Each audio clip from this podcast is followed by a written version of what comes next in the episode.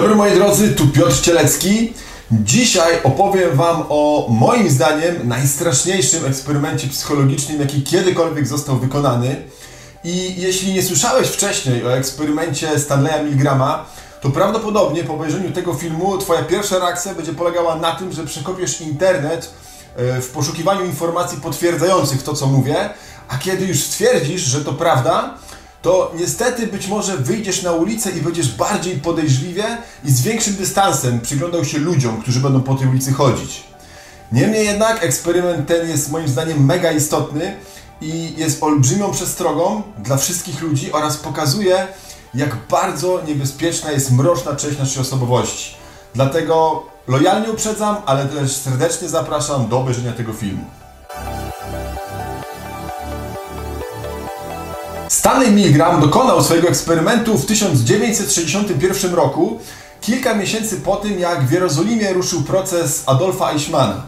Adolf Eichmann był mm, koordynatorem specjalnej komórki Gestapo, której zadaniem była eksterminacja Żydów. I na procesie bronił się, mówiąc, że po prostu wykonywał rozkazy. I wielu zbrodniarzy hitlerowskich broniło się dokładnie w ten sam sposób. I Milgram w swoim eksperymencie chciał sprawdzić, ile w tej linii obrony jest zwykłego cwaniactwa, a ile jest prawdy. Chciał sprawdzić, czy zwykłego, praworządnego, płacącego podatki obywatela można skłonić do tego, żeby zadał ból drugiemu człowiekowi, jeśli tylko każe mu to zrobić osoba, która w jego oczach cieszy się autorytetem. Eksperyment polegał na tym, że ludzie byli dobierani w pary.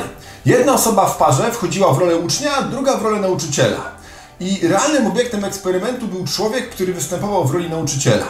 On zostawał zamknięty w jednym pomieszczeniu z psychologiem, który eksperyment prowadził i był sadzany przed panelem, na którym znajdowało się kilkanaście dźwigni. Uczeń natomiast zamykany był w pomieszczeniu po drugiej stronie ściany. Także mógł komunikować się z nauczycielem tylko przy pomocy mikrofonu i głośnika. Nie widzieli siebie nawzajem. Następnie nauczyciel był proszony, żeby odczytywał z kartki kolejne pytania oraz cztery odpowiedzi, z których jedna była poprawna. Uczeń miał odpowiadać na te pytania. Jeśli udzielił poprawnej odpowiedzi, nauczyciel przychodził do kolejnego pytania. Jednak, kiedy uczeń popełnił błąd, nauczyciel był proszony o to, żeby pociągał za kolejne dźwignie, co skutkowało tym, że uczeń był rażony prądem. I każda kolejna dźwignia powodowała porażenie prądem silniejsze o 15 V. Tak przynajmniej myślał nauczyciel. Bo w rzeczywistości uczeń był podstawionym aktorem, który nie był w żaden sposób rażony prądem, był po prostu poproszony o to, żeby udawał ból. Więc początkowo uczeń syczał, jęczał, czasem zaklął pod nosem, ale później wraz ze wzrostem napięcia e, udawał krzyk, wrzask, walił pięścią w ścianę, uskarżał się na przykład na problemy z sercem i prosił człowieka, który ciągnął za dźwignię, żeby przestał. I na tym etapie nauczyciele tracili rezon patrzyli na psychologa, który prowadził eksperyment i pytali, czy naprawdę mają kontynuować. A psycholog za każdym razem odpowiadał to samo. Proszę kontynuować, musimy zadać wszystkie pytania, usłyszeć wszystkie odpowiedzi.